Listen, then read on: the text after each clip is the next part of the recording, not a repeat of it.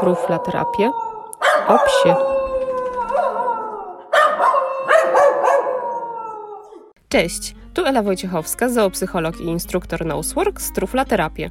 Zapraszam Cię do mojego podcastu o psie. Dołącz do mnie, jeśli jesteś opiekunem psa lub interesuje Cię psia tematyka. Ten podcast pomoże Ci jeszcze lepiej zrozumieć Twojego futrzastego przyjaciela. Mam nadzieję, że spędzisz miło czas słuchając mojego podcastu. Zapraszam Cię również na moją stronę internetową truflaterapię.pl, gdzie znajdziesz wszelkie potrzebne informacje dotyczące konsultacji online oraz treningów Nosework. Jeśli będziesz potrzebować dodatkowych informacji, to zapraszam do kontaktu mailowego lub telefonicznego. A teraz zapraszam Cię już na kolejny odcinek mojego podcastu i życzę przyjemnego odsłuchu. Cześć! Z czym kojarzą się Wam takie słowa jak przywódca stada, samiec alfa czy alfa roll? Tak, dziś będzie obiecany odcinek o słynnej dominacji. Teoria dominacji została przeniesiona do psiego świata w połowie XX wieku i zakłada ona, że w stadzie ludzko-psim to człowiek powinien mieć pełną kontrolę nad wszelkimi zasobami oraz nad psem. I jeśli pies z punktu widzenia opiekuna zachowuje się nieodpowiednio, to należy go zdominować, no bo inaczej pies nas zdominuje. A co może świadczyć o tym, że to pies chce górować nad opiekunem? No, na przykład takie zachowania jak szczekanie na niego, skakanie, wyprzedzanie opiekuna na spacerze, dobieganie do drzwi przed opiekunem, siadanie na schodach i na meblach, kopulowanie na nodze opiekuna czy brak reagowania na przywołanie. I w takim przypadku człowiek ma użyć odpowiednich metod, które sprawią, że pies się podporządkuje ale czy tak naprawdę pies myśli o tym, aby nas zdominować? I czy w ogóle możemy mówić o stadzie w przypadku człowieka i psa? A no nie, ponieważ używanie określenia dominacja czy dominujący w kontekście naszego życia z psem jest błędne, ponieważ dominacja nie jest cechą psa, a stado to zbiór osobników jednego gatunku, więc nie można mówić o dominacji w kontekście psa i człowieka, ponieważ stanowimy dwa odrębne gatunki. Dominacja to konstrukt, który nie tylko nie ma poparcia w nauce, ale również przeszkadza w zrozumieniu zachowania zwierząt. Zaburza postrzeganie konkretnego problemu i nie pozwala znaleźć związku pomiędzy zachowaniem zwierzęcia a środowiskiem. I tak jak mówiłam w poprzednim odcinku, wpadamy w takie błędne koło, mając przekonanie, że nasz pies jest dominujący. I odpowiedź na pytanie, dlaczego uważasz, że pies jest dominujący, przynosi odpowiedź, bo gryzie. A dlaczego gryzie? Bo jest dominujący. No i znowu trudno wyjść z tej pętli.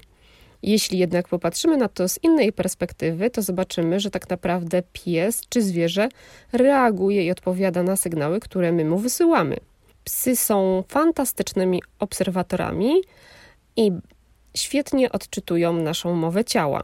Często jest tak, że y, naturalne zachowanie psa, na przykład warczenie czy szczekanie, jest nieakceptowalne przez opiekuna i ta błędna interpretacja psiej komunikacji i niezrozumienie konkretnego zachowania rodzi w opiekunie taką złość na psa i frustrację. Jeśli pies warczy na ciebie, to znaczy, że powinieneś jak najszybciej przestać robić to, co wywołuje to warczenie. Na pewno nie należy karać psa za warczenie, bo po pierwsze w ten sposób możesz sprawić, że pies od razu przejdzie do gryzienia, a po drugie warczenie to forma komunikacji, poprzez którą pies pokazuje ci, że czuje się nieswojo z tym, co robisz. I stosując w tym momencie metody awersyjne, narażasz się tylko na pogryzienie przez psa. Warto sobie uświadomić, że psy, które żyją w naturalnym środowisku bez opiekunów, zachowują się zupełnie inaczej niż psy, które mieszkają z nami w domach. I wśród tych pierwszych rzadko pojawiają się zachowania mogące narażać danego osobnika na utratę zdrowia lub życia. Natomiast nasze psy zmagają się na co dzień z ogromnymi oczekiwaniami ze strony człowieka, a co za tym idzie z dużą presją, z którą po prostu nie potrafią sobie poradzić. No dobra, a skąd w ogóle wziął się taki pogląd, jakoby pies urodził się po to, by nas zdominować? W roku 1947 behawiorysta Robert Schenkel zasugerował, że w stadzie wilków e, przewodzi jeden samiec i jego obserwacje były poczynione na grupie niespokrewnionych ze sobą wilków, które były trzymane w niewoli. Wilki te miały do dyspozycji jedynie mały teren, na którym dochodziło do częstych utarczek pomiędzy osobnikami, i to właśnie ten jeden samiec górował nad resztą tego stada. Teoria o przywódcy stada stała się popularna i szybko rozpowszechniła się wśród trenerów psów. Psy były wtedy postrzegane jako udomowione wilki, więc łatwo było można zastosować reguły stada wilczego, również e, odnośnie psów. Z kolei słynny Alfa Roll zrodził się wcześniej i taki rzut y, psem o ziemię został spopularyzowany przez mnichów, którzy wprowadzili roll over alpha wolf do szkolenia psów. W ten sposób mieli pokazać swoją dominację nad psem. I wzięło się to z błędnej interpretacji jednego z sygnałów komunikacji psów, jakim jest położenie się psa na plecy i odsłonięcie brzucha. I ta pozycja, to pozycja, którą psy przyjmują dobrowolnie w celu pokazania swojej uległości wobec drugiego osobnika, a nie pozycja, y, do której pies zostaje przymuszony przez drugiego psa. Teoria dominacji trochę straciła na sile, kiedy y, to w 1986 roku amerykański biolog i badacz wilków David Mack rozpoczął obserwacje wilków w ich naturalnych warunkach. Przez ponad dekadę badał on zachowania wilków żyjących na wolności i y, wywnioskował, że wilki w naturze tworzą rodzinę, która składa się z pary i z potomstwa, i taka rodzina żyje w pełnej harmonii i unika ryzykownych walk i utraty potrzebnej energii czy nawet życia. Niestety po 2000 roku pojawił się Cezar Milan, który rozpowszechnił reguły stada wśród trenerów i opiekunów psów. I w swoich filmach, które chyba nadal gdzieś są emitowane, pokazał, jak przywrócić równowagę w stadzie i pokazać psu, kto tu rządzi. Aby zapobiec dominowaniu przez psa, należy stosować wszystkie wytyczne, które to uniemożliwią. Punkty, które należałoby spełnić, są zupełnie nielogiczne i w codziennym życiu trudne do realizacji. Generalnie chodzi o to, by kontrolować psa, tak jakbyśmy tego nie robili na każdym kroku, czyli na przykład pies ma zakaz wstępu do łóżka, zakaz wchodzenia przez drzwi jako pierwszy, E, zakaz wyprzedzania opiekuna na spacerze, e, zakaz inicjowania kontaktu z opiekunem, czy niemożność siadania na podwyższeniach. Opiekun musi zjeść przed psem i najlepiej, jeśli wsadzi swój nos w miskę, po to, aby pokazać psu, kto tu rządzi. No to jest po prostu absurdalne. A bawiąc się z psem, absolutnie nie możemy mu dać wygrać. Zabawy szarpakiem polegają wyłącznie na tym, że to pan ciągle wygrywa. I teraz zastanówcie się, jakby, jak wy byście się czuli, gdybyście za każdym razem, grając w grę z kimś bliskim, przegrywali. Ja chyba bym od razu straciła w ogóle ochotę na kolejną rundę. Badania przeprowadzone przez Rooney i Britshaw'a pokazały, że psy, które mają możliwość wygrywania w przeciąganiu liny, są bardziej zaangażowane w zabawę i okazują więcej pozytywnych zachowań wobec opiekuna. Więc jeśli przeciągacie się z psem, to dajcie psu wygrać. W ten sposób sprawicie, że pies będzie w dobrym nastroju i będziecie się razem świetnie bawić. Dużym problemem jest to, że wyznawcy teorii dominacji e, stosują awersyjne metody wobec psa, kiedy ten według nich zachowuje się nieposłusznie. I zadawanie bólu uchodzi za normalne i ma zmuszać psa do uległości. Dodatkowo, gdy pies prezentuje zachowanie niepożądane, wprowadza się tak zwane reguły stada i odbiera psu spodziewane nagrody. Wszystko to prowadzi do zaburzenia funkcjonowania poprawnej relacji z opiekunem i stanowi zagrożenie dla dobrostanu psa. Pies, będąc w ciągłym stresie, może zacząć obawiać się opiekuna lub reagować na niego warczeniem, a takie rzucanie się na psa i przyciskanie do ziemi może zakończyć się pogryzieniem opiekuna. Oprócz tego nastrój naszego psa jest mocno obniżony i może nawet się pojawić tak zwana wyuczona bezradność, czyli pies przestaje zupełnie reagować na y, przejawy przemocy ze strony człowieka i poddaje się temu. To chyba najgorszy ze scenariuszy, jaki może się zdarzyć. Ja akurat nie mam doświadczeń z tą teorią w praktyce, to znaczy nie stosowałam nigdy tych metod w pracy z moimi psami, ale niestety moje psy najprawdopodobniej doświadczyły przemocy ze strony człowieka. Hunter, oprócz tego, że najprawdopodobniej nosił na swojej szyi obrożę elektryczną, to prawdopodobnie był karany również poprzez bicie, gdyż na początku naszej przygody źle reagował na gwałtowne ruchy rąk. Również Fika miała problem z podniesioną ręką oraz z kijem od szczotki. Teraz już nie mamy z tym problemów, bo sobie stopniowo to przepracowaliśmy. No a trufla prawdopodobnie też nie miała lekko, y, gdyż poza tym, że była suką rozpłodową, to najprawdopodobniej była również bita. I na początku, gdy była u nas, to na wszelkie właśnie gwałtowne jakieś takie ruchy reagowała przywieraniem do podłogi i zastyganiem. E, uznawała najwidoczniej, że sytuacja jej zagraża i po prostu woli e, stać się niewidoczna. Całe szczęście mamy to wszystko za sobą i mogę uznać, że teraz moje psy są szczęśliwe i nie muszą korzystać ze strategii przetrwania w codziennym życiu z nami. Nie tylko moje psy miały tak nieciekawą przeszłość. Podczas konsultacji spotykam się z wieloma przypadkami wskazującymi na to, że psy prawdopodobnie doznały przemocy ze strony człowieka. Niestety w niektórych przypadkach okazuje się, że obecni opiekunowie za sprawą porad jakiegoś w cudzysłowie profesjonalisty prowadzili teorię dominacji do życia. Całe szczęście coraz rzadziej się z tym spotykam, jednak niekiedy mam wrażenie, że niektóre osoby ukrywają fakt stosowania teorii dominacji przede mną. Czasem też jest tak, że na przykład kończymy już nasze spotkanie i mam wychodzić, i nagle e, ktoś rzuca hasło: A, bo wie pani, jak on jest nieposłuszny, to my go przewracamy na plecy i przyciskamy do podłogi, aż się uspokoi. No i w tym momencie ręce mi opadają i muszę zacząć rozmowę od początku. Często jest też tak, że przed konsultacją słyszę o psie, który próbuje zdominować domowników. Jednak pies nie jest wilkiem, a nas nie postrzega jako drugiego psa, tylko raczej jako niekończące się źródło pożywienia.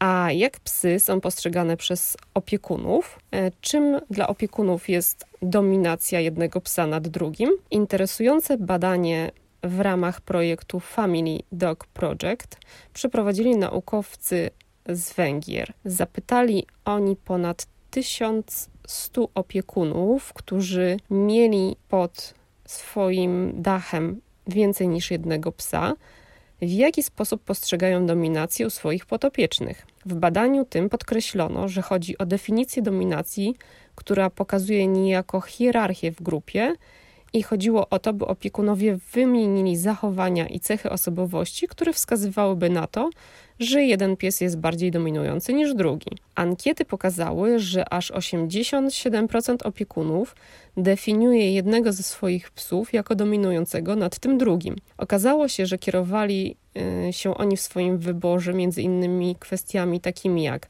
dostęp do zasobów, zachowania submisywne wobec drugiego psa, zachowania takie jak częste szczekanie czy warczenie na drugiego osobnika. Psy postrzegane jako dominujące opiekunowie opisywali jako bardziej inteligentne, bardziej impulsywne i bardziej agresywne. Naukowcy podkreślają, że badanie to tylko wyrywek z życia psów, a przecież relacje pomiędzy nimi mogą ulegać dynamicznym zmianom. To badanie miało na celu jedynie zweryfikowanie poprawnej terminologii, którą opiekunowie używają w kontekście relacji swoich psów. Link do tego badania zostawiam Wam w notatkach do odcinka. A jak to jest u nas? No, u nas jest tak, że terrierowe trio nie ma lidera. Każdy z psów ma w pewnych kwestiach pierwszeństwo wypowiedzi, a sprawy pomiędzy nimi rozstrzygane są bezkonfliktowo dzięki dobrej komunikacji. Zresztą od początku wszystkie zasoby były dzielone sprawiedliwie na trzy i żaden z psów nie jest przez nas faworyzowany. W niektórych aspektach ktoś ma przewagę, albo przynajmniej tak mu się wydaje.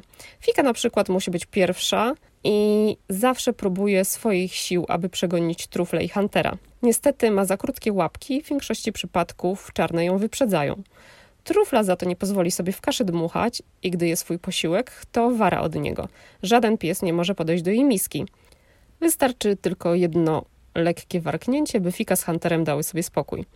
Za to one mogą jeść ze wspólnej miski bez żadnych problemów. A Hunter? No, Hunter strzeże dostępu do mnie, jednak w większości przypadków z marnym skutkiem, bo i tak dziewczyny znajdą sposób, aby się wcisnąć w kolejkę do miziania. Niestety zawsze brakuje mi tej trzeciej ręki. A jestem ciekawa, jakie wy macie spostrzeżenia dotyczące mieszkających z wami psów, jeśli oczywiście macie więcej niż jednego. Psy żyjąc w grupach będą ze sobą kooperować, a nie wszczynać bójki. Tak samo nie mają zamiaru zdominować swojego opiekuna. Wszystko, co robią, ma jakiś cel. I dlatego nie musimy być samcem alfa dla swoich psów, by nasz układ dobrze funkcjonował. Decydujemy się na psa z myślą o tym, że będzie naszym towarzyszem na dobre i na złe do końca swojego życia. Przynajmniej tak powinno być.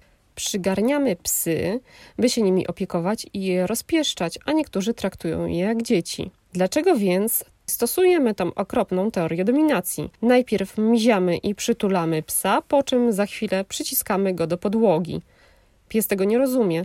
Zresztą, czy ktoś potraktowałby tak swoje ukochane dziecko? No chyba nie. Więc dlaczego zwierzęta są tak traktowane? Bo co? Bo są słabsze, bo zniosą więcej, bo nie mamy się na kim wyładować w danej chwili? A może po prostu opieramy się na tym, co ktoś nam powiedział? Bo jak wiadomo, siła autorytetu działa, a nieświadomość i brak wiedzy tylko ułatwiają stosowanie awersyjnych technik. A przecież pies czy inne zwierzę tak samo odczuwa ból jak my. I musimy sobie zdać sprawę, że teoria dominacji jest przestarzałym podejściem treningowym i nie ma żadnego poparcia w nauce. Nie ma dowodów naukowych na to, że karanie psa poprzez zadawanie mu bólu i zastraszanie może polepszyć zachowanie. Jest wręcz odwrotnie. Stosowanie alfa-rol, obroży elektrycznych, kolczatek, halterów, dławików czy brzęczących puszek i innego tego typu rozwiązań jest nieetyczne i w ogóle nie powinno być brane pod uwagę w pracy z psem. Istnieje za to masę badań, które potwierdzają, że trening oparty na pozytywnych wzmocnieniach przynosi wiele korzyści zarówno psu, jak i opiekunowi. Jednak wymaga on więcej poświęcenia i czasu od opiekuna, i budowanie nowego zachowania trwa dłużej niż przywrócenie psa na grzbiet. Pomimo tego, takie podejście wspaniale wpływa na budowanie relacji z psem. Każdą istotę, w tym psa, należy traktować z szacunkiem. Spróbujcie na chwilę wyobrazić sobie, jak czuje się wasz pies. Wejdźcie w jego skórę i spójrzcie na świat z psiej perspektywy. Być może będziecie zaskoczeni tym, co zobaczycie. Mam nadzieję, że w niedługim czasie teoria dominacji zniknie na dobre, czego życzę oczywiście wszystkim zwierzętom, sobie, jak i Wam. I tym optymistycznym akcentem kończę ten odcinek. Dziękuję Wam za wspólnie spędzony czas. Mam nadzieję, że pomimo ciężkiego tematu przyjemnie słuchało Wam się tego odcinka. Jeśli uważacie, że mój podcast jest wart, aby go puścić dalej w świat, to będzie mi niezmiernie miło, jeśli udostępnicie go swoim bliskim i znajomym. I jak zwykle będę wdzięczna za pozostawienie recenzji, jeśli słuchacie tego odcinka w aplikacji Apple Podcast. Tymczasem żegnam się z Wami i zapraszam za dwa tygodnie na kolejny, dziewiąty już odcinek mojego podcastu o psie. Do usłyszenia. Pa, pa!